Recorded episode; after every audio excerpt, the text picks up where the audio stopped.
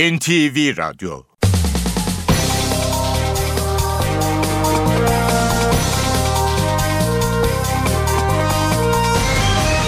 İşe Giderken Mutlu sabahlar. Ben Aynur Altunkaş. Bugün 19 Şubat Çarşamba saat 9'a kadar Türkiye ve dünya gündemine yakından bakacağız. Ayrıntılara geçmeden önce haber başlıkları.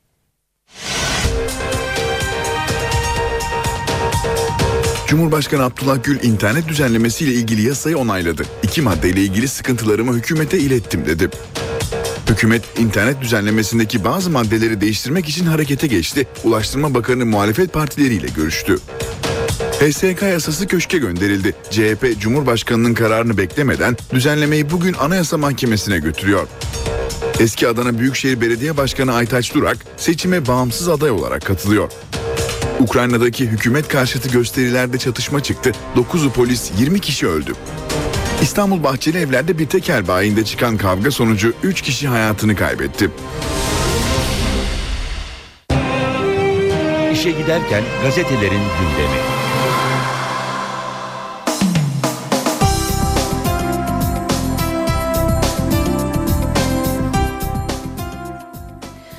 Basın özetleri var sırada. İşe giderken de Hürriyet gazetesiyle başlayacağız. Hürriyet'in manşetinde internet yasasını onayladığı başlığını görüyoruz. Cumhurbaşkanı Gül çok tepki çeken internet yasasını onayladı. Yasanın iki maddesinin yeni bir kanunla değiştirilmesi için teklif verdi. Ulaştırma Bakanı dün muhalefetle görüştü. Ardından internet yasasında yapılacak değişiklikleri açıkladı. Sonrasında Gül yasayı imzaladı. Yine hürriyetten bir başlık ajan kurşunu. İstanbul'da 2009 ve 2011 yıllarında 4 Çeçenin öldürüldüğü suikastlarla ilgili iddianame hazır. Savcı olaylarda tetiği çeken 3 Rus ajan için ağırlaştırılmış müebbet hapis istedi diyor Hürriyet gazetesi haberinde. Yine Hürriyet'ten bir başlık Zarrab'a kanser tetkiki 17 Aralık'taki rüşvet ve yolsuzluk operasyonunda tutuklanan iş adamı Reza Zarrab ifadesinde kanserim demişti. E, Şişli Etval Eğitim ve Araştırma Hastanesi'ne kaldırılarak tetkik yapıldı. Ardından tekrar cezaevine gönderildi Rıza Zarrab. Devam edelim e, basın özetlerine yine Hürriyet gazetesinden haberlerle hiçbir şey eskisi gibi olmayacak. Başbakan Tayyip Erdoğan Gülen cemaatini demokrasinin önündeki son çete olarak nitelendirdi. Artık hiçbir şey eskisi gibi olmayacak. İşiniz de bundan sonra sadece bedduaya kaldı diyen başbakan bakanlarıyla çocuklarının dinleme kayıtlarını açıklayan CHP'ye eski genel başkanınızın o görüntülerini de yayınlayın diye seslendi. Erdoğan'a 11 soru. CHP lideri Kemal Kılıçdaroğlu grup toplantısında yine Başbakan Erdoğan'a ait olduğu iddia edilen ses kayıtlarını dinletti. Ardından Erdoğan'a yönelik 11 soru sıraladı. Cevapla temiz olduğunu anlayalım dedi ve MHP grubundan bir başlık Başbakan özür dilesin. Bahçeli'nin gündeminde Erdoğan'ın Kabataş'ta türbanlı bir kadının darp edildiği iddiaları vardı. Söylendiği gibi bir saldırı olmadığı anlaşıldı. Her şey netleştiğine göre Başbakan çıkıp Türk milletinden özür dileyecek erdemi gösterebilecek mi diye sordu. MHP lideri Bahçeli. Milliyet gazetesinden başlıklarla devam edelim. Yasa geçti sıra rötuşta diyor Milliyet manşette. İki madde mecliste yeniden görüşülecek. Cumhurbaşkanı Gül iki maddede kaygılarım var dediği yasayı onayladı. Aynı saatlerde hükümet değişiklik için tek maddelik teklifini meclise sundu. 3 saatte 50 bin takipçi kaybetti. İnternet yasasını onayladığını Twitter hesabından duyuran Cumhurbaşkanı Abdullah Gül'e sosyal medyadan büyük tepki geldi diyor Milliyet gazetesi haberinde. Senin bedenin benim kararım. Kürtaj olmak isteyen kadınlara hastanelerin yanıtı diyor Milliyet. Kadınların benim bedenim benim kararım sloganıyla karşı çıktığı ve hükümetin geri adım attığı kürtajlı devlet hastanelerinin keyfi uygulamaları gün yüzüne çıktı. Yasaya göre 10. haftaya kadar gebeliklerde her kadın kendi arzusuyla kürtaj hakkına sahip fakat bazı hastaneler bu talepleri yasak artık yapmıyoruz. Kadının kendi isteğiyle yapmak yasak. Eş rızası lazım diyerek reddediyor. Basın özetleri devam ediyor. Milliyetten yine bir başlık. Drogba sezon sonu gidiyor. Antalya maçında oyundan çıkarken Tugay Kerimoğlu'nun elini sıkmayan Drogba'nın sözleşmesinin yenilenmesi için teklif gelmemesinden rahatsız olduğu belirtiliyor. Galatasaray yönetimi ise Mancini'nin isteğiyle 36 yaşındaki oyuncuyla yolları ayırıp genç bir yıldız alma planı yapıyor. Geçelim Sabah gazetesine. Sürmanşeti sabahın son çeteyle savaşıyoruz.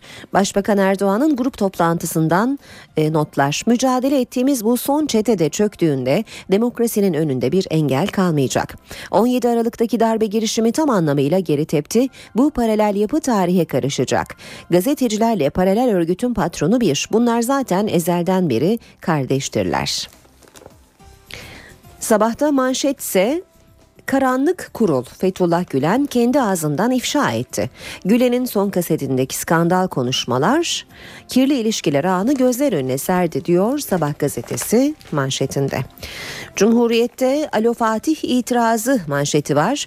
Erdoğan'ın talimatları için olamaz böyle bir şey diyen Gül gazetecileri isyana çağırdı demiş Cumhuriyet gazetesi haberinde. CHP grubundan başlık Erdoğan çıksın yalanlasın e, başlığını taşıyor. Bir başka başlıksa bu alan bir ay önce ormandı. Garipçe Poyrazköy arasında inşa edilmekte olan 3. köprünün toplam 95 kilometrelik bağlantı yolları da kentin son kalan yeşil dokuzunu tahrip ediyor diyor Cumhuriyet gazetesi haberinde. Radikalle devam ediyoruz. Haberiniz silinmesin. Cumhurbaşkanı internet yasasını onayladı ancak çekinceler sürüyor. Gözler şimdi mecliste yüksek yargıda yasanın sakıncalarına dikkat çekmek için radikal bir kampanya başlattı.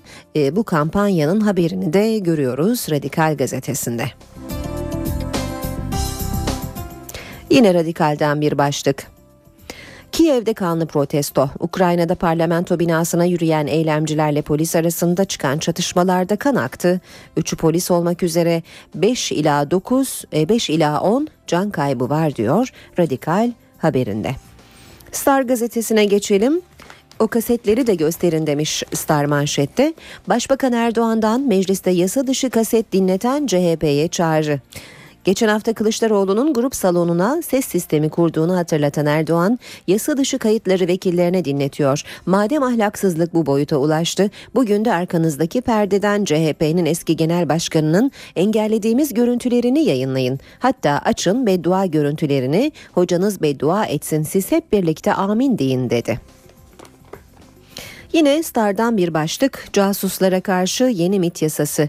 Soğuk savaş döneminden kalan 30 yıllık MIT yasası nihayet değişiyor. MIT'in teknik ve e, yasal altyapısı internetin sağladığı siber casusluğa ve paralel saldırılara karşı güçlendiriliyor diyor Star haberinde. Zamanla devam ediyoruz. Zamanın manşeti siyasetçiler dil ve üsluba dikkat etmeli.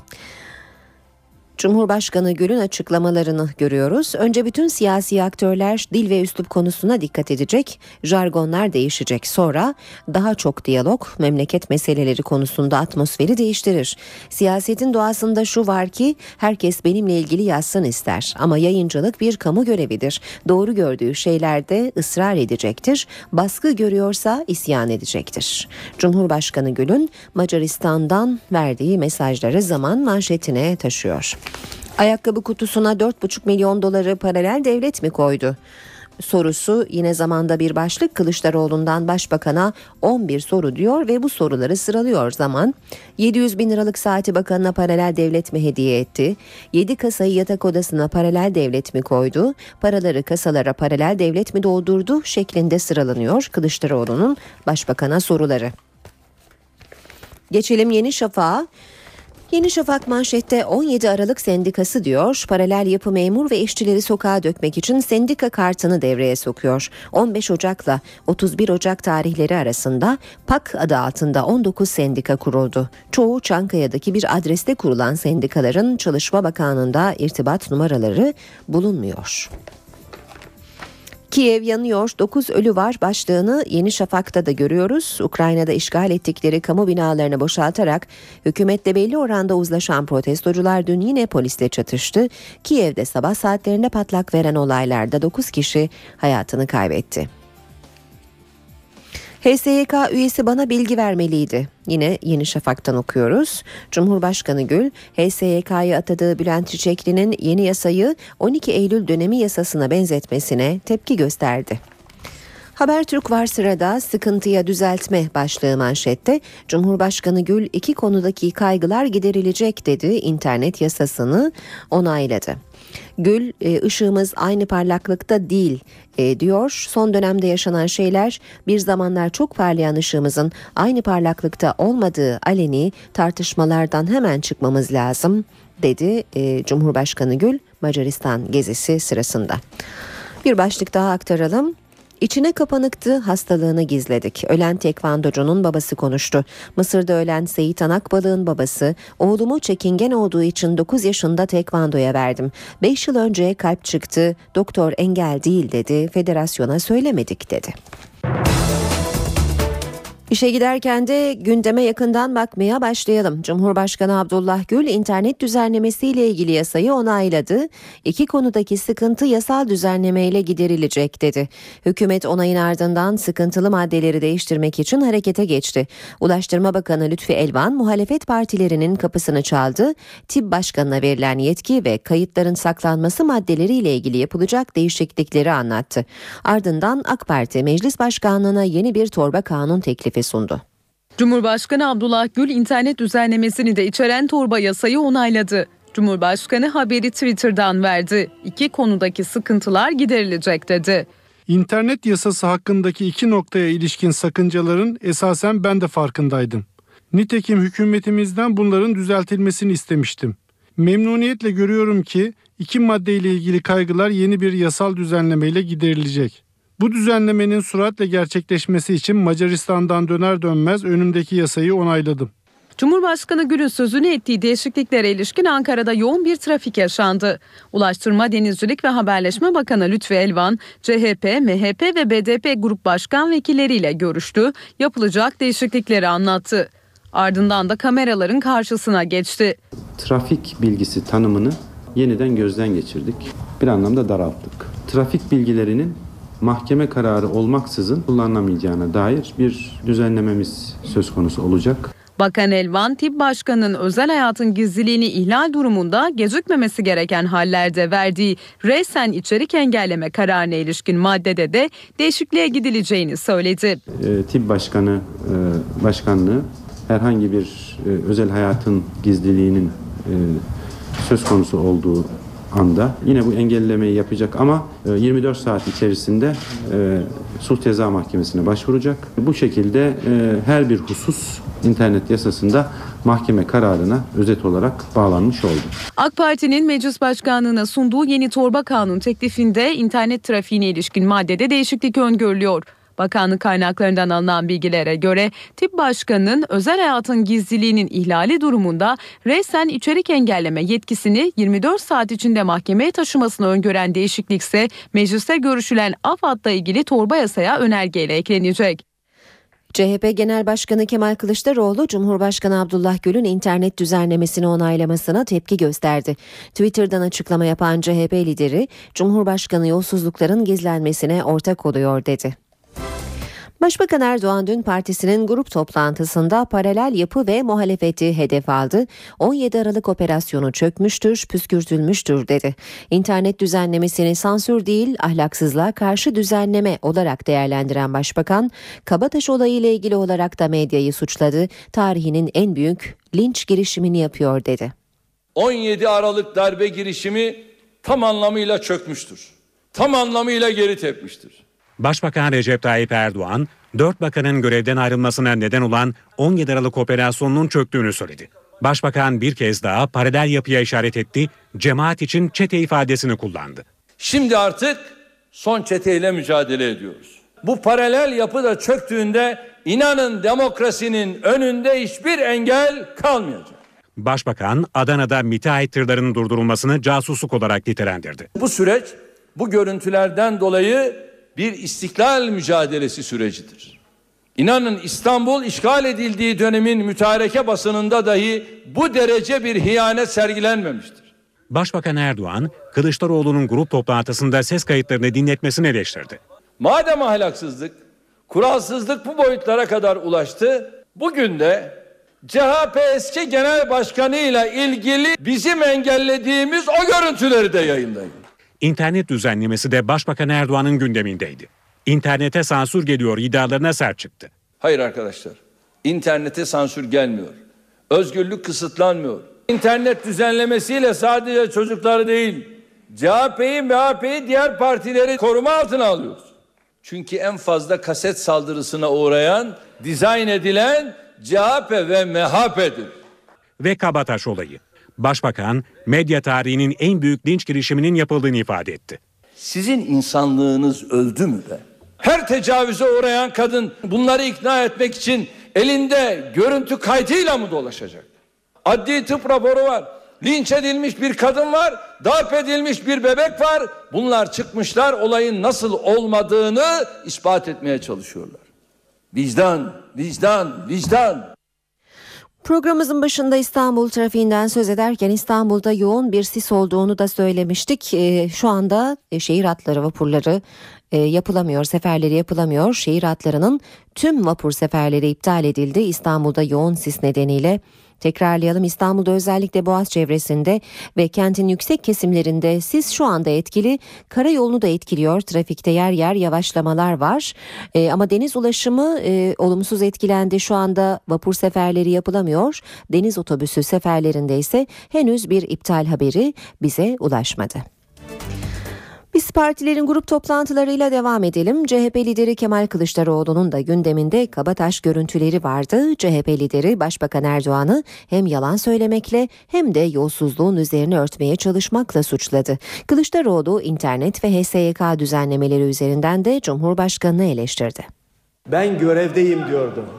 Eğer Sayın Cumhurbaşkanı siz görevdeyseniz anayasanın gereğini yapacaksınız güçler ayrılığı ilkesine uyacaksınız. Hayır bunu yapmıyorsanız ben görevdeyim demeyeceksiniz. Ben birisinin emrindeyim diyeceksiniz. CHP Genel Başkanı Kemal Kılıçdaroğlu, Cumhurbaşkanı Abdullah Gül'e ESYK ve internet düzenlemeleriyle ilgili bu sözlerle seslendi. Gündeminde 17 Aralık operasyonu olan CHP lideri Başbakan Recep Tayyip Erdoğan'a 11 soru sordu. Bir, bir bakana 700 bin liralık saati paralel devlet mi verdi? İki, ayakkabı kutusundaki dört buçuk milyon doları paralel devlet mi oraya koydu? Kılıçdaroğlu, Kabataş iskelesinde başörtülü bir kadına yönelik saldırı iddiası ile ilgili de konuştu. Kabataş iskelesinde bir yalan söylendi.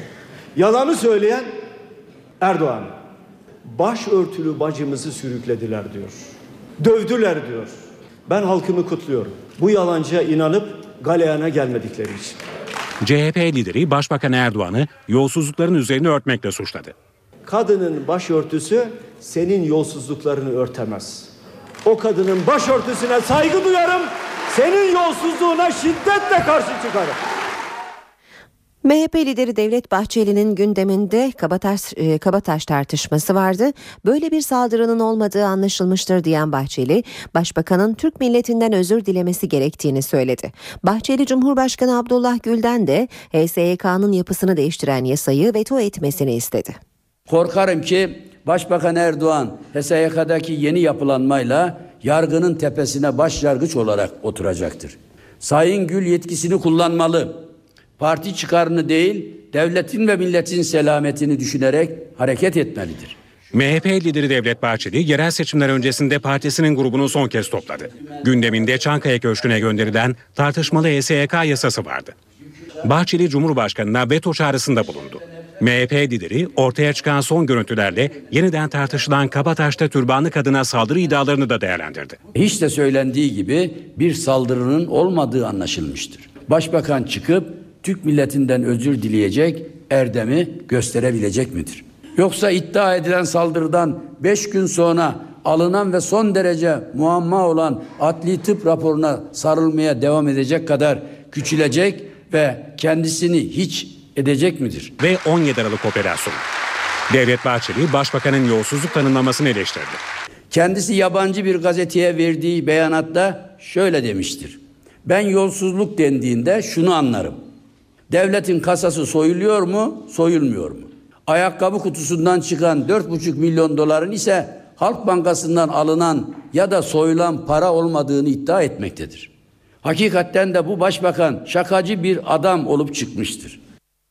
BDP ve HDP'nin ortak grup toplantısında ise kürsüde bu kez HDP eş başkanı Mersin Milletvekili Ertuğrul Kürkçü vardı. Kürkçü çözüm süreci için pamuk ipliğine bağlı dedi. Barış ve Demokrasi Partisi grup kürsüsünü bu hafta Halkların Demokratik Partisi'ne devretti. Kürsüde konuşan bu kez HDP eş genel başkanı Ertuğrul Kürkçü'ydü. HDP eş başkanının gündeminde çözüm süreci vardı. Kürkçü sürecin pamuk ipliğine bağlı olduğunu söyledi. Barış pamuk ipliğiyle bağlı biçimde durmaktadır. İlk büyük uyumsuzluktan sonra neler olacağını kimse bilmiyor. Adalet ve Kalkınma Partisi bir yıldır müzakere ve çözüm sürecinin ilk aşamasında takılıp kaldı. Kürkçü tartışmalı HSYK yasası üzerinden Başbakan Recep Tayyip Erdoğan eleştirdi. Adalet dediği şey bütün savcı ve yargıçları kendi Adalet Bakanı'na bağlamak, Adalet ve Kalkınma Partisi'nin kendini koruma güdüsü barışın önüne, adaletin önüne geçmiş durumdadır. Kürkçü, Kabataş görüntülerini de değerlendirdi. Böyle bir şey olmadı. Kabataş'ta o gün, o dakikalarda çekilen görüntülerden açıkça ortaya çıktı. Beyana bak beyana. Beyan soruşturmaya başlamak için yeterliydi. Hükümet bu soruşturmayı tamamlamayarak o kadını da istismar etti.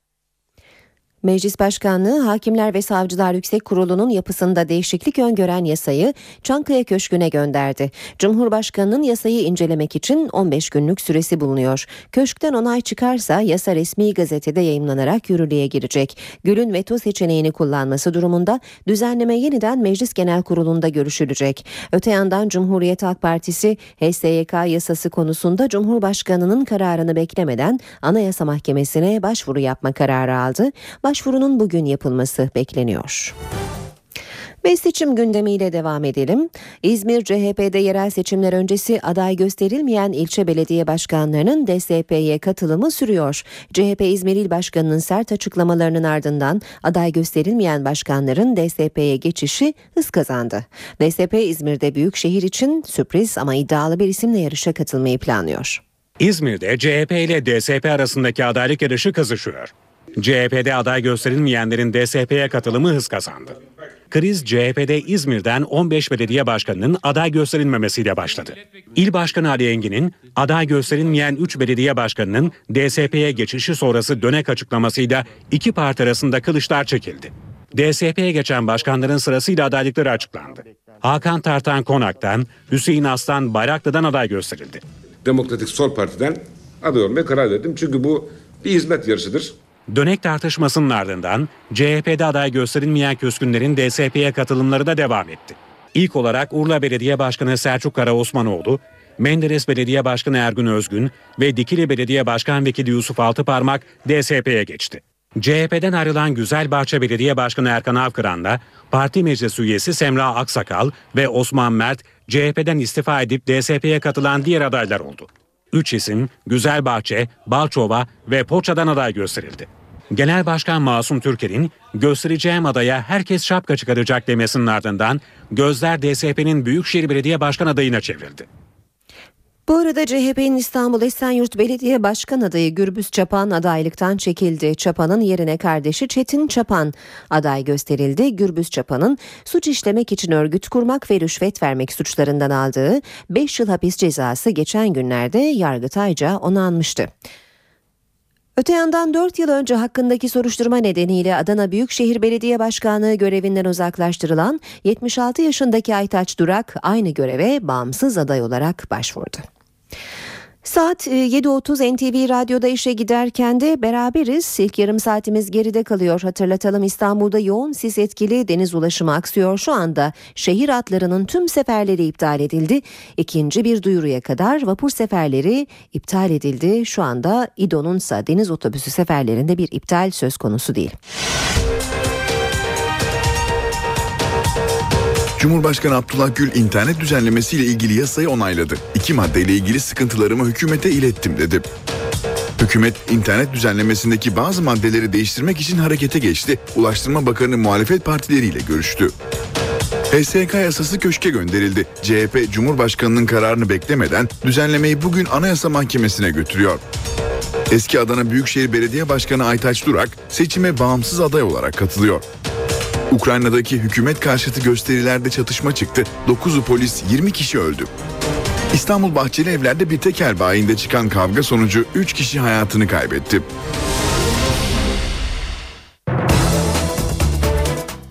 Gündemin ayrıntılarına bakmaya devam edelim işe giderken de 17 Aralık sürecinin başlangıcında İçişleri Bakanlığı'ndan istifa eden Muammer Güler açıklama yaptı. Güler 17 Aralık'ta oğlunun evinde arama yapılırken avukatıyla görüştüğünü daha sonra soruşturmanın içeriği hakkında başsavcıyı arayarak bilgi aldığını bütün bu görüşmelerin nasıl dinlendiğini sordu.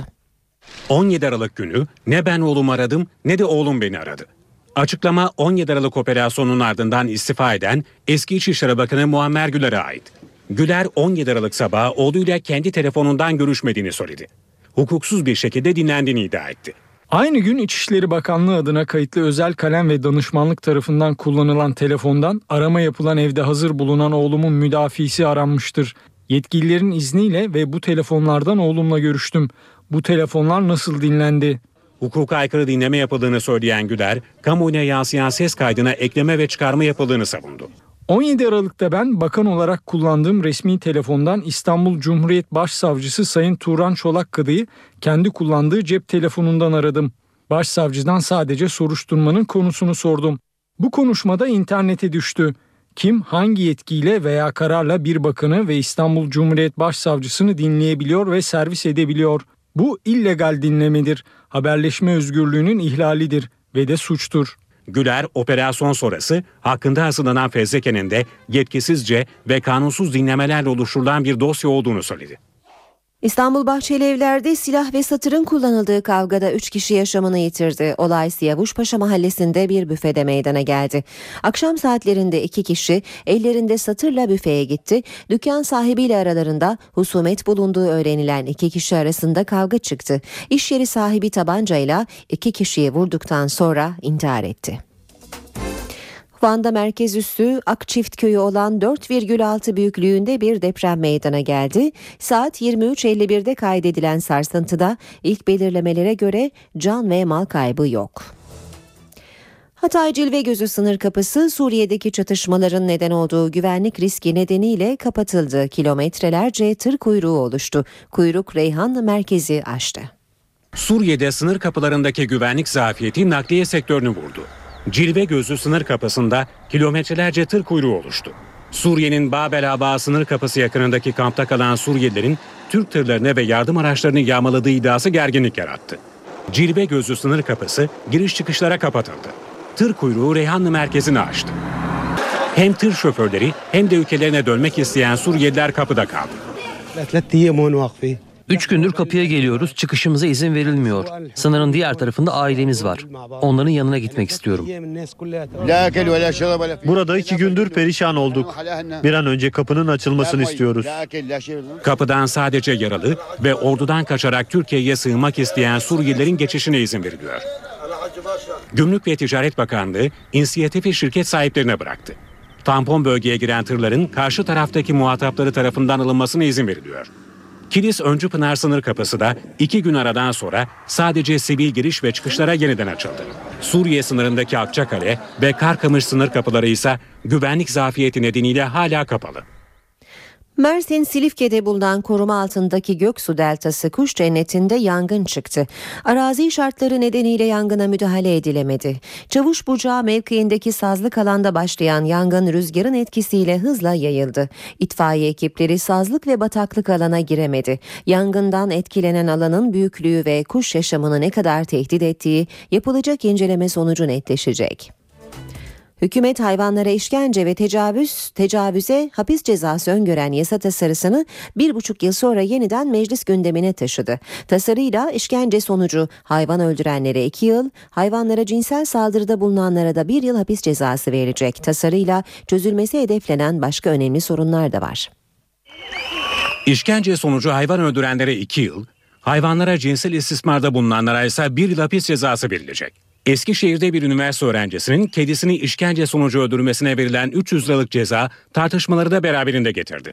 Hayvanlara kötü muamelenin önüne geçmek için harekete geçen hükümet, hayvanları koruma kanununu meclis gündemine taşıdı. Tasarı hazırlanırken yaşamak haktır, yaşamak bütün canlıların hakkıdır ilkesi benimsendi. Tasarının en dikkat çekici başlığı hayvanlara kötü muamelenin suç kapsamına alınması. Halen yürürlükte olan kanuna göre hayvanlara işkence ve tecavüz suçlarına para cezası veriliyor. Tasarıyla hayvanları işkenceyle öldürmenin karşılığı 2 yıl hapis cezası olacak. Hayvanlara tecavüz suçunu işleyenlere ise 1 yıl hapis cezası verilecek.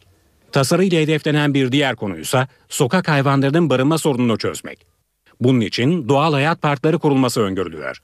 Sokak hayvanları sahiplendirilinceye kadar doğal hayat parklarında bakım altına alınacak. İşe giderken gazetelerin gündemi.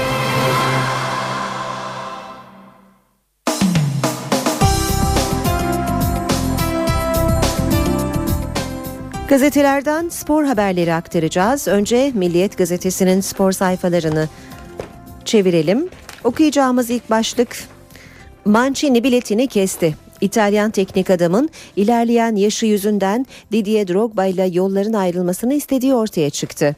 Galatasaray'ın hocası Antalya Spor maçında oyundan çıkarken yardımcısı Tugay Kerimoğlu'nun elini havada bırakan fil dişi sahilli golcünün yerine genç ve dinamik bir forvetin alınmasını istiyor. Sarı Kırmızılı yönetim de bir buçuk yıllık maliyeti 10 milyon euro olan Drogba'ya yeni sözleşme teklif etmeyi düşünmüyor.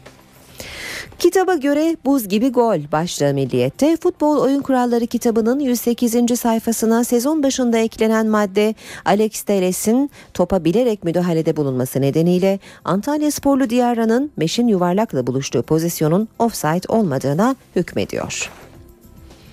Devam edelim ee, yine Milliyet gazetesinden aktarmaya helallik aldı rapora yazdı.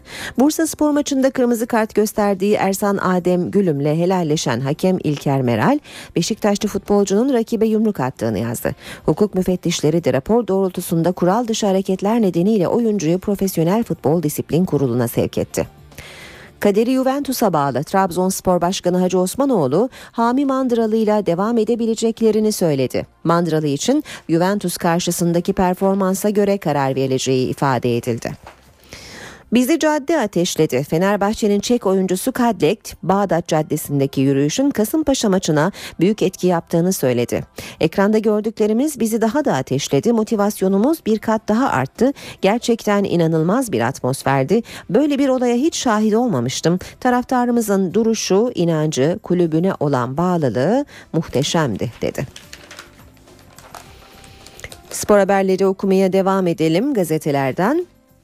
Büyük resimde yönetim var. Trabzonspor'un kadro kalitesi son 3 sezonda sürekli geriye gitti. Selçuk Burak, Egemen, Ceyhun, Umut, Engin ve Halil'i kaybeden Bordo Mavili kulüp bu oyuncuların boşluğunu dolduramadı. Transferde yapılan hatalar Mustafa Reşit Akçay'ın da sonunu hazırladı deniyor bu değerlendirmede. Spor haberlerine Fanatik gazetesiyle devam edelim. Duruşumuz aynı, fark 3. Galatasaray ikinciliği Kartal'a devretti. Fener'le tekrar 6 oldu fark ama şok çabuk atlatıldı. Cumartesi arenada Beşiktaş'ı ağırlayacak Sarı Kırmızılılar önceki gece İstanbul'a dönüş yolunda yeniden şampiyonluk hesabı yaptı. Evimizde ikisini de yeneriz. Arenadan çıkış planı Beşiktaş ligin son virajında krizli günleri aştı, tırmanışa geçti. 4 maçlık galibiyet serisi yakalayan Kara Kartal'ın yeni hedefi arenada uçmak. Takımda Ersan ve Sivok dışında eksik yok. Golcü Almeida, Oğuzhan ve Gökhan formunun zirvesinde. Yönetim primi katladı, motivasyon tavan yaptı. Şampiyonlar Ligi için en kötü ihtimalle ikincilik kovalayan siyah beyazlılar bir puana iyi diyor ama Bilic'in zafer planları da hazır demiş Fanatik haberinde. AMK ile devam ediyoruz. Kurtuluş arenada demiş AMK'de manşette Galatasaray gözünü Beşiktaş ve Chelsea'ye dikti. İç sahada Mancini yönetiminde çıktığı 11 resmi maçtan da galibiyetle ayrılan Aslan'ın kozu Türk Telekom Arena, Cimbom önce hafta sonundaki derbiyi kazanıp sonrasında İngiliz devini yıkarak yeniden ayağa kalkmak istiyor denmiş haberde. Flash Fener Eto'yu İstanbul'a getirdi. 2014 yılının ilk bombası Sarı Lacivertlilerden geldi. Devre arası transferi boş geçen Kanarya yeni sezon için büyük oynuyor. Fenerbahçe yönetimi geçen hafta başında Samuel Eto ve eşini İstanbul'a getirdi. Çırağında ağırlanan Chelsea'li golcü ikna edilmeye çalışılıyor. Foto maçın manşeti ise kovun bu adamı. İtalyan hoca Medical Park Antalya spor maçında oyundan çıkarken kendisinin yüzüne bakmayan Tugay Kerimoğlu'nun elini havada bırakan fil dişili golcünün gönderilmesini istedi deniyor haberin ayrıntılarında. NTV Radyo Günaydın herkese yeniden ben Aynur Altunkaş. Yeni saate başlıyoruz işe giderken de. Gökhan Abur yanımızda hava tahminlerini konuşacağız. Önce gündemin başlıklarını hatırlatalım. Cumhurbaşkanı Abdullah Gül internet düzenlemesiyle ilgili yasayı onayladı. İki maddeyle ilgili sıkıntılarımı hükümete ilettim dedi. Hükümet internet düzenlemesindeki bazı maddeleri değiştirmek için harekete geçti. Ulaştırma Bakanı muhalefet partileriyle görüştü. HSK yasası köşke gönderildi. CHP Cumhurbaşkanı'nın kararını beklemeden düzenlemeyi bugün Anayasa Mahkemesi'ne götürüyor. Eski Adana Büyükşehir Belediye Başkanı Aytaç Durak seçime bağımsız aday olarak katılıyor.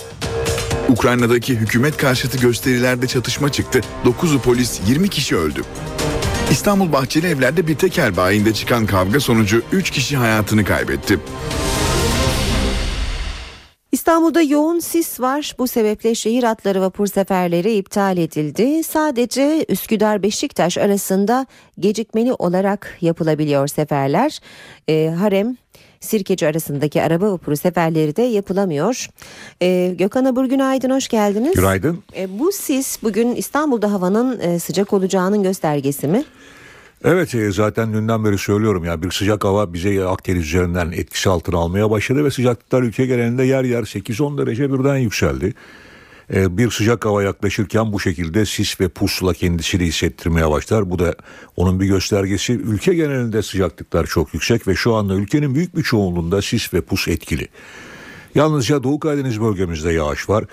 E, sabah erken saatlerde Ordu Giresun arasında başlamıştı. Trabzon Rize Artvin arasında şu anda devam ediyor ve önümüzdeki saatler içinde yağışların özellikle Trabzon Rize Artvin arasındaki bölgede çok daha kuvvetli olmasını bekliyoruz. Çünkü bölgede çok yoğun bir bulut kümesi var. Bu sağanaklara karşı bölge sakinleri dikkatli ve tedbirli olmalı. Yine ilerleyen saatlerde ve akşama doğru çok kısa süreli de olsa Ardahan Kars arasında hafif de olsa kar yağışı görülebilir. Yarın ülke genelinde yağış beklemiyoruz. Yüksek basınç etkisini sürdürmeye devam edecek ve yüksek basınçtan dolayı yarın ve bu gece ve yarın sabah için yine yer yer çok yoğun olmak üzere sis ve pus görülecek. Hatta yerde yer yer çiğ var o bakımdan otoyollarda bulunanlar hem görüşün kısıtlı olması hem de yerdeki çiğden dolayı çok çok dikkatli sürüş yapmalılar. Çünkü yerde oldukça kaygan bir zemin oluşturabilecek düzeyde çiğ var. Evet e, yağışlar şimdilik etkisini kaybetti ve sıcaklıklar yükselmeye devam ediyor. Bugün İstanbul'da beklediğimiz en yüksek sıcaklık 17 derece olacak. Önümüzdeki saatler için özellikle saat 11-12 arasında en geç sisin dağılmasını bekliyoruz. Ve sıcaklık bugün 17'ye kadar çıkacak. Gece sıcaklığı ise 7 derece civarında olacak. Ankara'da hava genellikle açık o bakımdan e, yer yer çiğ var demiştim fakat gece sıcaklığı düşük. Esenboğa'da hala eksi 2 derecelik bir sıcaklık var. Merkezde 2 derece ile 0 derece arasında değişen sıcaklık görülürken biz bugün Ankara'da sıcaklığın 18 derecenin üzerine çıkmasını bekliyoruz. Bu gece beklediğimiz en düşük sıcaklık da 3 derece civarında olacak. İzmir baharı yaşıyor diyebiliriz çünkü İzmir'de hakikaten sıcaklık oldukça yüksek değerlere çıkacak. Şu an itibariyle İzmir'de sıcaklık 4 e, derece civarında ama beklediğimiz sıcaklık 21-22 dereceye kadar çıkacak. Gece sıcaklığının 10 derece civarında olmasını bekliyoruz. Yarın İzmir'de sıcaklıklar 1-2 derece daha yükselecek. Antalya ve başta olmak üzere Akdeniz boyunca sıcak hava etkisini sürdürüyor ve sıcaklıklar Antalya'dan başlayarak hemen hemen Akdeniz'in tümünde 20 ile 22 derece arasında değişecek ki yarın biraz daha yükselmesini bekliyoruz. Yağış var mı derseniz Hafta sonu bulutlanma biraz artacak ama çok büyük olasılıkla yağışlar batı bölgelerimizi pazar akşam saatlerinden itibaren etkisi altına alacak. Önümüzdeki haftanın ilk günlerinde batı bölgeler yağışla birlikte yeniden serinleyecek ve sıcaklıklarda yeniden 8-10 derecelik azalışlar görülecek ki bu azalışlar ya yine de mevsim ortalamalarının 1-2 derece üzerinde olacak. Gökhan Abur teşekkürler. Gündemde öne çıkan haberleri aktarmaya devam edelim. Cumhurbaşkanı Gül internet düzenlemesini de içeren torba yasayı onayladı. Cumhurbaşkanı haberi Twitter'dan verdi. İki konudaki sıkıntılar giderilecek dedi. Cumhurbaşkanı Gül'ün sözünü ettiği değişikliklere ilişkin Ankara'da yoğun bir trafik yaşandı. Ulaştırma, Denizcilik ve Haberleşme Bakanı Lütfi Elvan, CHP, MHP ve BDP grup başkan vekilleriyle görüştü. Yapılacak değişiklikleri anlattı. Ardından da kameraların karşısına geçti. Bakan Elvan, Telekomünikasyon İletişim Başkanı'nın özel hayatın gizliliğini ihlal durumunda gecikmemesi gereken hallerde verebileceği içerik engelleme kararına 24 saat içinde mahkeme onayı şartı getirileceğini söyledi. Ayrıca yasadaki trafik tanımının daraltılacağını ve saklanan trafik bilgilerinin ancak hakim kararıyla tibe verileceğini belirtti. AK Parti trafik maddesine ilişkin değişikliği Meclis Başkanlığı'na sunduğu yeni torba kanun teklifiyle yapacak. Tip Başkanı'nın özel hayatın ihlali durumunda verdiği içerik engelleme kararının 24 saat içinde mahkemeye taşınmasına ilişkin değişiklikse mecliste görüşülen AFAD'la ilgili torba yasaya önerge ile eklenecek. Adalet Bakanı Bekir Bozdağ, Cumhurbaşkanı Gül'ün sıkıntılı noktalar var dediği Hakimler ve Savcılar Yüksek Kurulu'ndaki değişiklikle ilgili konuştu. Cumhurbaşkanı Gül'ün tavsiyelerini aldıklarını söyleyen Bozdağ, değişiklikler yapıldığını söyledi. Bozdağ'ın gündeminde Bolu'ya atanan Savcı Zekeriya Özde vardı. HSYK teklifi Türkiye Büyük Millet Meclisi'ne verildikten sonra Sayın Cumhurbaşkanımızla benim de görüşmelerim oldu bu teklif üzerine Sayın Cumhurbaşkanımızın değerlendirmelerini, tavsiyelerini aldım. Sayın Cumhurbaşkanımızın tavsiyeleri doğrultusunda hem Adalet Komisyonu'nda hem de Türkiye Büyük Millet Meclisi Genel Kurulu'nda değişiklikler yaptık. Adalet Bakanı Bekir Bozdağ HSYK düzenlemesine ilişkin konuştu. Kanal 24'te soruları yanıtlayan Bakan Bozdağ muhalefetin eleştirilerine de tepki gösterdi. HSYK'nın anayasada yazılan görevlerini değiştirmiyor. Benim orada bir etkim yok. Sadece kağıt üzerinde böyle başkanın gözetim ve denetiminde görev yapar ve başkana karşı sorumludur. Bozda 17 Aralık operasyonu savcısı Zekeriya Öz'ün Bolu'ya atanmasını da değerlendirdi. Birinci daire atamaları yapıyor. Evet. Tabi Zekeriya Öz'le ilgili biliyorsunuz bazı şikayetler oldu. Ee, bir takım ziyaretler nedeniyle bazı Dubai tatili vesaire bir takım konular gündeme geldi. Benim bildiğim bu konularla ilgili bir incelemede başlatıldı. Bu incelemenin akıbeti nedir şu anda bilmiyorum. Ee, ama tayin e, gerekçesini elbette birinci daire bilir. Başsavcı vekilliğinin düz savcı atanması e, tabii bir takdirdir, tenzil sayılır. Başbakan Tayyip Erdoğan paralel yapı olarak tanımladığı oluşumu son çete olarak niteledi grup toplantısında. 17 Aralık operasyonunu darbe girişimi olarak da değerlendirdi ve bu girişimin tamamen çöktüğünü söyledi. Türkiye'de demokratikleşmenin önündeki en büyük engel çeteler olmuştur. Hükümetler kurmuşlardır, hükümetler indirmişlerdir. 11 yıl boyunca çetelerle mücadelemizde sağladığımız başarı oranında demokratik hamleler gerçekleştirdik. Şimdi artık son çeteyle mücadele ediyoruz. Bu çete de tarihe karıştığında, bu paralel yapı da çöktüğünde inanın demokrasinin önünde hiçbir engel kalmayacak. Şunu özellikle bilmenizi istiyorum değerli kardeşlerim. 17 Aralık darbe girişimi tam anlamıyla çökmüştür. Tam anlamıyla geri tepmiştir ekonomiye, milli kurumlara, istikrara yönelik saldırı tamamen püskürtülmüştür. CHP lideri Kemal Kılıçdaroğlu'nun gündeminde Kabataş görüntüleri ve 17 Aralık operasyonu vardı. Kılıçdaroğlu Kabataş görüntüleri üzerinden hükümeti eleştirdi ve başbakanın başörtüsünün siyasete malzeme ettiğini savundu. Kabataş iskelesinde bir yalan söylendi. Yalanı söyleyen Erdoğan. Başörtülü bacımızı sürüklediler diyor dövdüler diyor. Bütün başörtülü kardeşlerime sesleniyorum. Artık sizin başörtünüz siyasetin dışında kalsın. İstediğiniz kıyafete girin, giyin. Benim başımın üstünde yeriniz var. Neden bunları gündeme getiriyor biliyor musunuz? Cumhuriyet tarihinin en büyük rüşvet ve yolsuzluk operasyonu saklansın, gizlensin diye. 17 Aralık'tan bu yana ağzından bir tek yolsuzluk lafı düşmedi. Bir tek yolsuzluk lafı etmedi. Ya dünya çalkalanıyor. Türkiye çalkalanıyor. Yolsuzluk var. En yakınındaki adamlar. Onlardan birisi de dedi ki vallahi ne yapayım dedi.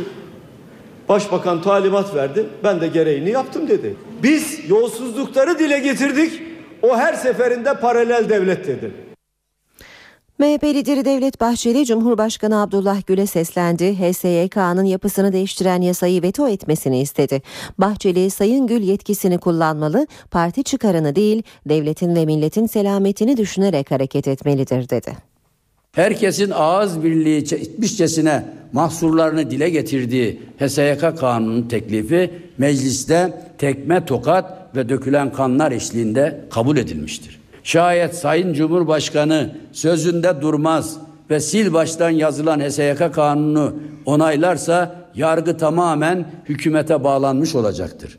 Kuvvetler ayrılığı ilkesi tümden rafa kaldık kalkacaktır. Korkarım ki Başbakan Erdoğan HSYK'daki yeni yapılanmayla yargının tepesine başyargıç olarak oturacaktır. Sayın Gül yetkisini kullanmalı. Parti çıkarını değil, devletin ve milletin selametini düşünerek hareket etmelidir. HSYK kanunu Çankaya'dan mutlaka dönmelidir. Aksi takdirde muhtemel tehlikeler çok fazladır. İşe giderken İstanbul'da trafik polislerinin aracını durdurduğunu iddia eden Kenan Eroğlu, polis dayağından ölü taklidi yaparak kurtulduğunu söylüyor. Olay anlarını güvenlik kameraları da kaydetti. Eroğlu dava açmaya hazırlanıyor. Kenan Eroğlu dövülüyor. Ardından da sürükleniyor. İddiaya göre trafik polisleri Bayrampaşa'da hızlı giden bir aracı durdurmak istedi. Havaya ateş etti. Araçtan inen sürücü Kenan Eroğlu ile tartışmaya başladı. Memur Bey, küfürlü konuşmayın. Ben dedim hangi emniyete götürüyorsanız oraya dedim götürün. İfadem alıyorsunuz. Ne yapıyorsunuz dedim orada yapın dedim. Abi burada dedim bir şey yapmayın. Senin de burada da şoförün mü var lan dedi. Dedim bak abi gene dedim küfürlü konuşuyorsun dedim. Öyle derken abi arkamdan derken bir yumruk geldi abi. Ağzımda burnuma su fışkırdı benim. Benim boynuma şey yaptı. Beni yapıştırdılar yere. Beni yapıştırdılar ben sadece ne yaptım kendimi korumaya aldım. Eroğlu bu sırada tehdit edildiğini de söylüyor. Ondan sonra polis benim kellemden tutaraktan sürükleyerekten çekicinin altına götürdü. Çekicinin altında da suratıma suratıma. Karnıma karnıma, kaburgalarıma kaburgalarıma. Yumruk. Ne geldiyse Allah ne verdiyse vuruyorlar. Ölü taklidi yaparak kurtulduğu, polisin kendisini olay yerinde bırakarak gittiğini iddia eden Eroğlu, hastaneden bir hafta iş göremez raporu aldı. Beyinde pırtılaşma var dediler. Ayın 24'ünde gün verdiler. Dediler yataktan çıkmayacaksın, hiçbir şekilde kımıldamayacaksın, risk dediler çok dediler. O raporu da götürdük karakola verdik. Bir tanesi bizde, bir tanesi karakolda. Ben artık canımdan şüphe ediyorum. Kenan Eroğlu dava açmaya hazırlanıyor. İstanbul'da kazancı yokuşundaki patlama ile ilgili soruşturma devam ediyor. 6 kişinin yaralandığı patlamanın tüp gazdan kaynaklandığı belirlendi. İstanbul valisi Hüseyin Avni Mutlu patlamaya sanat galerisinde bulunan 12 kilogramlık tüp gazdaki sızıntının sebep olduğunu açıkladı. İGDAŞ'tan gelen açıklamada aynı yönde oldu. Ev ve iş yerlerinde hasar büyük 158 ev ve iş yeri hasar gördü. Galeri sahibi Caner Karakaş ve iki yaralının tedavisi sürüyor. Karakaş'ın durumu Arsch. Cumhurbaşkanı Abdullah Gül'ün onayladığı torba yasayla prim gününü doldurmuş olup emeklilikte yaş sınırını bekleyenlere sağlık hizmeti müjdesi geldi. Yasayla yaş sınırını bekleyen yaklaşık 5 milyon kişi aylık en düşük düzeyde prim olan 42 lira ödeyerek sağlık hizmetlerinden yararlanma hakkını kazanacak. Onaylanan yasayla gelir testine giren ve düşük gelir aldığını belgeleyenlerin primlerini ise devlet üstlenecek. Yasayla ayrıca Bağkur prim borcu olduğu için sağlık hizmetlerinden yararlanamayanlara da kolaylık geliyor. Saat 8.21 NTV Radyo'da işe giderken başkent gündemiyle devam edecek. Karşımızda NTV muhabiri Özden Erkuş var. Özden günaydın. Günaydın Ankara'da. E, Cumhurbaşkanı internet yasasını onayladı ama iki maddeye dikkat çekti. Hükümet de bu uyarıyı dikkate aldı ve değişiklik için harekete geçti. Özden şimdi bu yasanın yeni meclis serüveni nasıl olacak? Hemen belirtelim Cumhurbaşkanı Gül dün bilindiği üzere akşam saatlerinde internet düzenlemesini içeren torba yasayı onaylamış, onayladığına ilişkin açıklamayı da yine Twitter üzerinden yapmıştı. İki konudaki sıkıntılar giderilecek demişti. Cumhurbaşkanı Gül'ün sözünü ettiği değişikliklere ilişkin aslında Ankara'daki trafik dün başlamıştı. Ulaştırma Denizcilik ve Haberleşme Bakanı Lütfi Elvan, CHP, MHP ve BDP grup başkan vekilleriyle görüştü. Yapılacak değişiklikleri anlattı.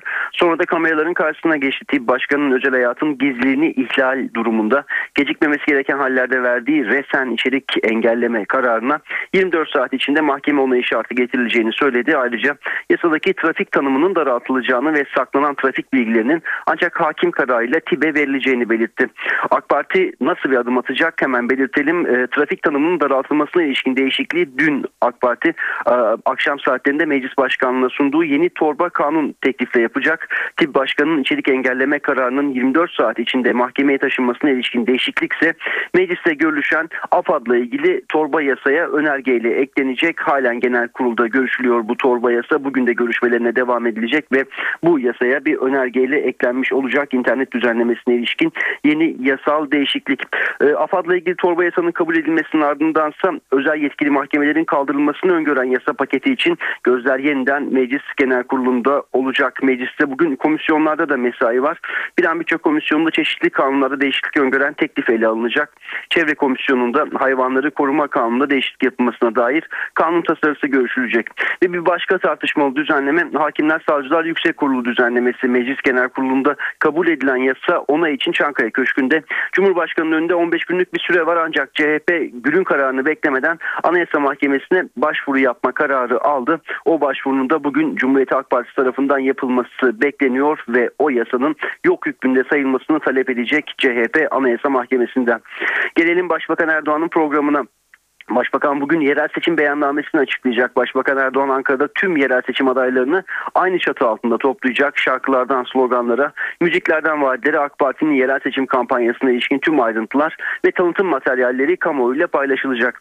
Başbakan yerel yönetimler için yeni dönemde neler yapılacağını anlatacak ve AK Parti seçim startını bu toplantıyla resmen vermiş olacak. Bu toplantının öncesinde ise Başbakan sabah saatlerinde genel merkezde milletvekilleriyle bir araya gelecek. Meclis yerel seçim arası vermeden önce gündemdeki gelişmeleri ve yerel seçim sürecini milletvekilleriyle değerlendirecek Başbakan Erdoğan. Cumhuriyet Halk Partisi'nde ise Merkez Yönetim Kurulu Genel Başkan Kılıçdaroğlu başkanlığına toplanacak. Gündemde hem yerel seçim süreci hem de internet düzenlemesi başta olmak üzere gündemdeki gelişmeler olacak. Ankara'dan son notta ekonomiden Türkiye İstatistik Kurumu 2013 yılı Aralık ayına ilişkin motorlu kara taşıtları istatistiklerini açıklayacak. Bugün başkentte gündemden öne çıkan başlıklar bu şekilde olacak. Özden teşekkürler kolay gelsin. İşe giderken Başkent gündemini aldık. Şimdi işten güçten haberlerle devam edeceğiz. Bugün Profesör Cem Kılıç dinleyicilerimizden gelen soruları yanıtlıyor. İşten güçten haberler. Profesör Cem Kılıç'la çalışma hayatı ve sosyal güvenliğe dair her şey.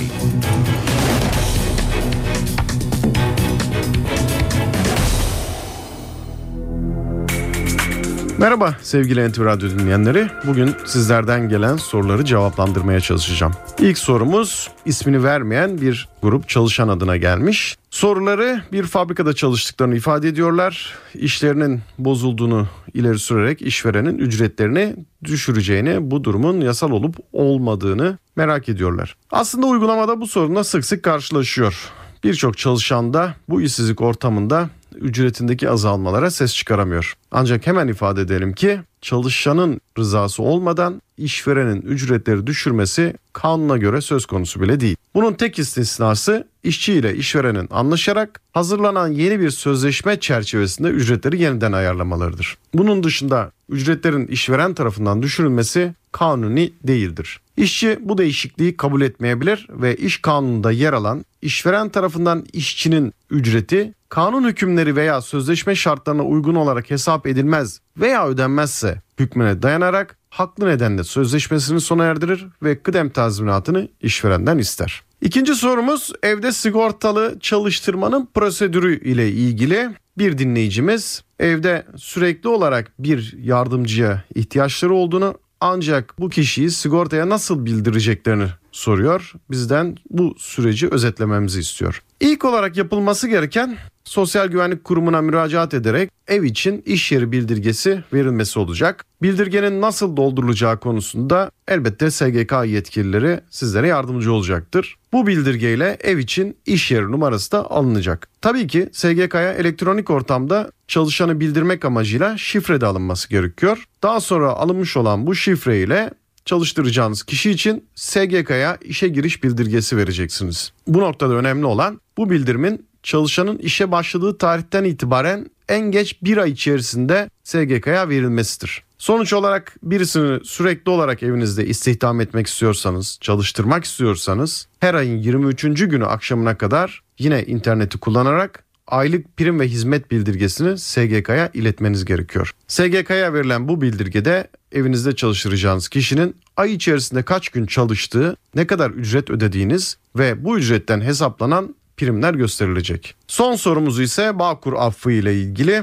bir dinleyicimiz daha önceki yayınlarımıza söylediğimiz bu Bağkur affı ile ilgili yakın gelecekte bir gelişme var mı diye merak ediyor. Bağkur borçları için yapılacak düzenlemeyi bir af olarak değerlendiren de var, yapılandırma olarak gören de var. Ancak adı ne olursa olsun getirilecek düzenlemeyle 12 ay ve üzeri borcu olanların borçları silinecek. Ne var ki bu süre kadar sigortalılık da ortadan kalkacak. Eğer daha sonra ekonomik imkanları el verirse kişiler bu sürelerini o günün borçlanma tutarları çerçevesinde ödeyerek tekrar sigortalılıklarını kazanabilecekler. Bu yönüyle oldukça faydalı bir yöntem olacağı kesin. Bu af ya da yapılandırma konusunda SGK hazırlıklarını tamamladı ve yeni bir torba kanun içerisinde yerini buldu bu madde. Ve bildiğim kadarıyla bu kanun tasarısı Ekonomi ve Koordinasyon Kurulu'ndan da geçti. Ancak gündem siyasi konularla dolu olunca diğer kanun tasarıları bu söylemiş olduğumuz kanun tasarısının önüne geçti.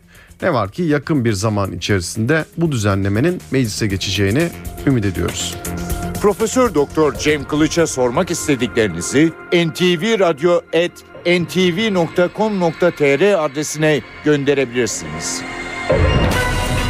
İşten güçten haberler. Profesör Cem Kılıç'la çalışma hayatı ve sosyal güvenliğe dair her şey.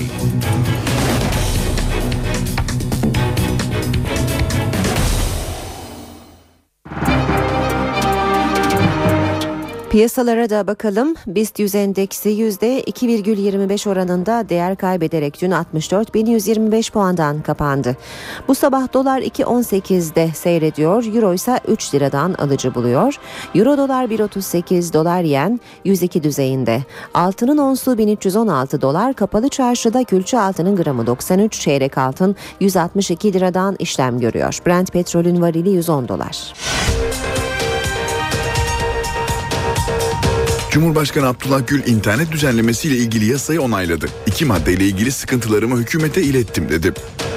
Hükümet internet düzenlemesindeki bazı maddeleri değiştirmek için harekete geçti. Ulaştırma Bakanı muhalefet partileriyle görüştü.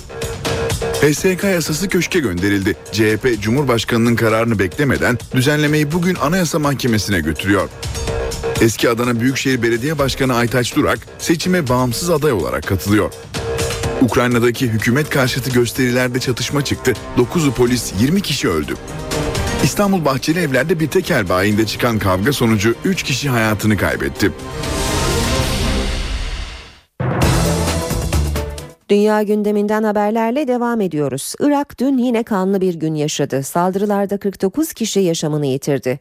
Saldırılar başkent Bağdat'la güneydeki Hille kentini hedef aldı. Bağdat'taki saldırılardan 3'ü pazar yeri yakınlarında düzenlendi. Dördüncü saldırı ise bir Şii caminin çevresi de çevresi hedef alındı. Hille'de düzenlenen 7 saldırı ise bomba yüklü araçlarla gerçekleştirildi.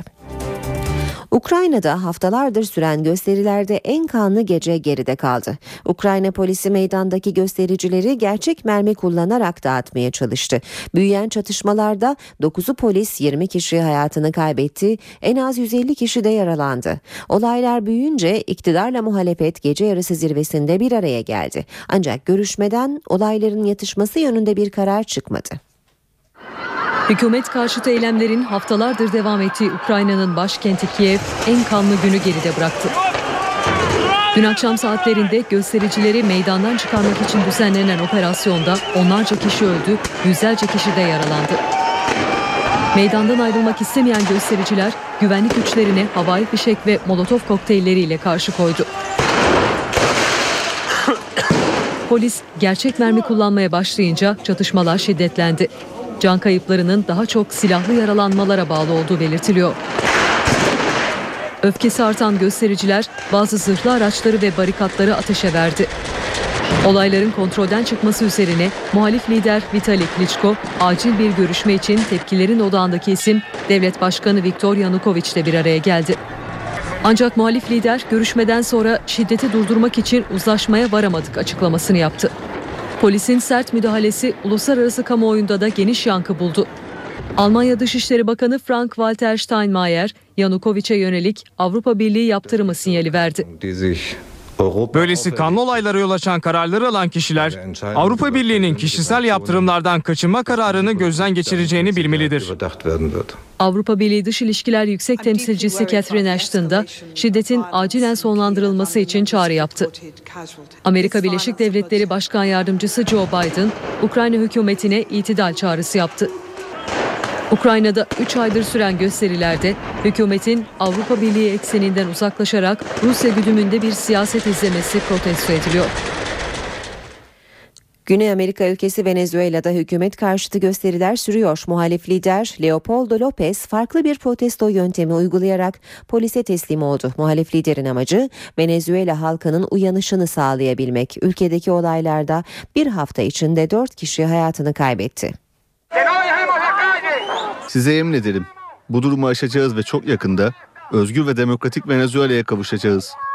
Bu sözler Venezuela'nın muhalif lideri Leopoldo López'e ait. López bu konuşmayı yaptıktan sonra eşine sarıldı, polise teslim oldu. Muhalif lider alkışlar ve sloganlar arasında polis aracına sürüklendi. López, Venezuela'nın uyanışı hapishaneye gitmekten geçiyorsa buna değer dedi. Muhalif liderin gözaltına alınması meydanları daha da alevlendirdi. Devlet Başkanı Nicolas Maduro da López'in tutuklanmasının ardından kendi destekçilerine seslendi. Lopez kendi isteğiyle Venezuela adaletine teslim oldu ve kendisi şu an başkentin dışında bir hapishaneye götürülüyor. Lopez adalete yanıt vermeli. Hepiniz bilmelisiniz ki devrim huzuru garanti altına almak için çalışıyor. Lopez'in hayatı da bizim korumamız altındadır. Hükümet karşıtları devlet başkanı Nicolas Maduro'yu uyguladığı politikalar, yüksek enflasyon ve artan suç olayları nedeniyle eleştiriyor. Çatışmalar nedeniyle bir öğrenci 4 kişi öldü, çok sayıda kişi yaralandı. İşe giderken Öfkeli kuşların maceraları beyaz perdeye taşınıyor. Dünyaca ünlü Angry Birds oyununun filmi için kollar sıvandı. Milyonların ilgiyle oynadığı Angry Birds film oluyor. Dünyaca ünlü bilgisayar ve cep telefonu oyunu Angry Birds film olarak beyaz perdeye gelmeye hazırlanıyor. Oyunun üreticisi Finlandiyalı Rovio şirketi Sony Pictures'la bu konuda anlaşma sağladı. Film için yapımcı şirketin Kanada'daki merkezi kullanılacak. Filmin senaryosu Ice Age gibi çizgi klasiklerine imza atan John Whitney'nin kaleminden çıkacak. Angry Birds filminin 2016'da vizyona girmesi hedefleniyor.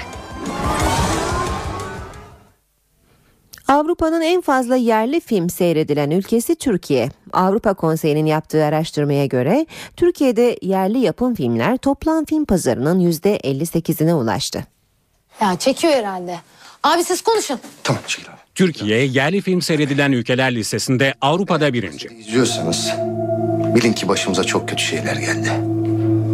Belki Geçen yıla ait sinema istatistiklerini açıklayan Avrupa Konseyi, Türkiye'de yerli yapım filmlerin toplam film pazarının %58'ine ulaştığını bildirdi. Oğlum yazı yazmak için üç şeye sahip olmak şarttır. Bir fikir, kağıt ve yazı aracı. Çoğu zaman bu üç şeyin ikisi sizde yok. Avrupa Konseyi'ne göre bu oran Avrupa genelinde yıllardır benzeri görülmemiş bir rekor. Türkiye'yi yerli film payında %33 ile Fransa ve %31 ile İtalya takip ediyor. Ben de kazanacağım bacı kardeş. Hemen siz alayım. En çok sinema bileti satılan ülkeler listesinde ise Türkiye 50 milyon 400 binle Avrupa çapında 7. sırada. Bilet satışlarından elde edilen hasılatında 505 milyon 300 bin lira olduğu belirtildi. Kumandanım. Biz Allah'ın emri, peygamberin kavliyle kuleyi bana istiyoruz. Askerliğini yapmış mısın yavrum? Bu alanda zirvede ise 192 milyon biletle Fransa var. Saat 8.44 işe giderken de birazdan manşet turu yapacağız ama önce İstanbulluları uyaralım. E, yoğun sis sebebiyle iptal edilen şehir hatları vapur seferleri yeniden yapılmaya başladı. Şu anda vapur seferleri yeniden yapılıyor. Yoğun sis sebebiyle iptal edilmişti tüm seferler normale döndüğünü duyurmuş olalım. İşe giderken gazetelerin gündemi.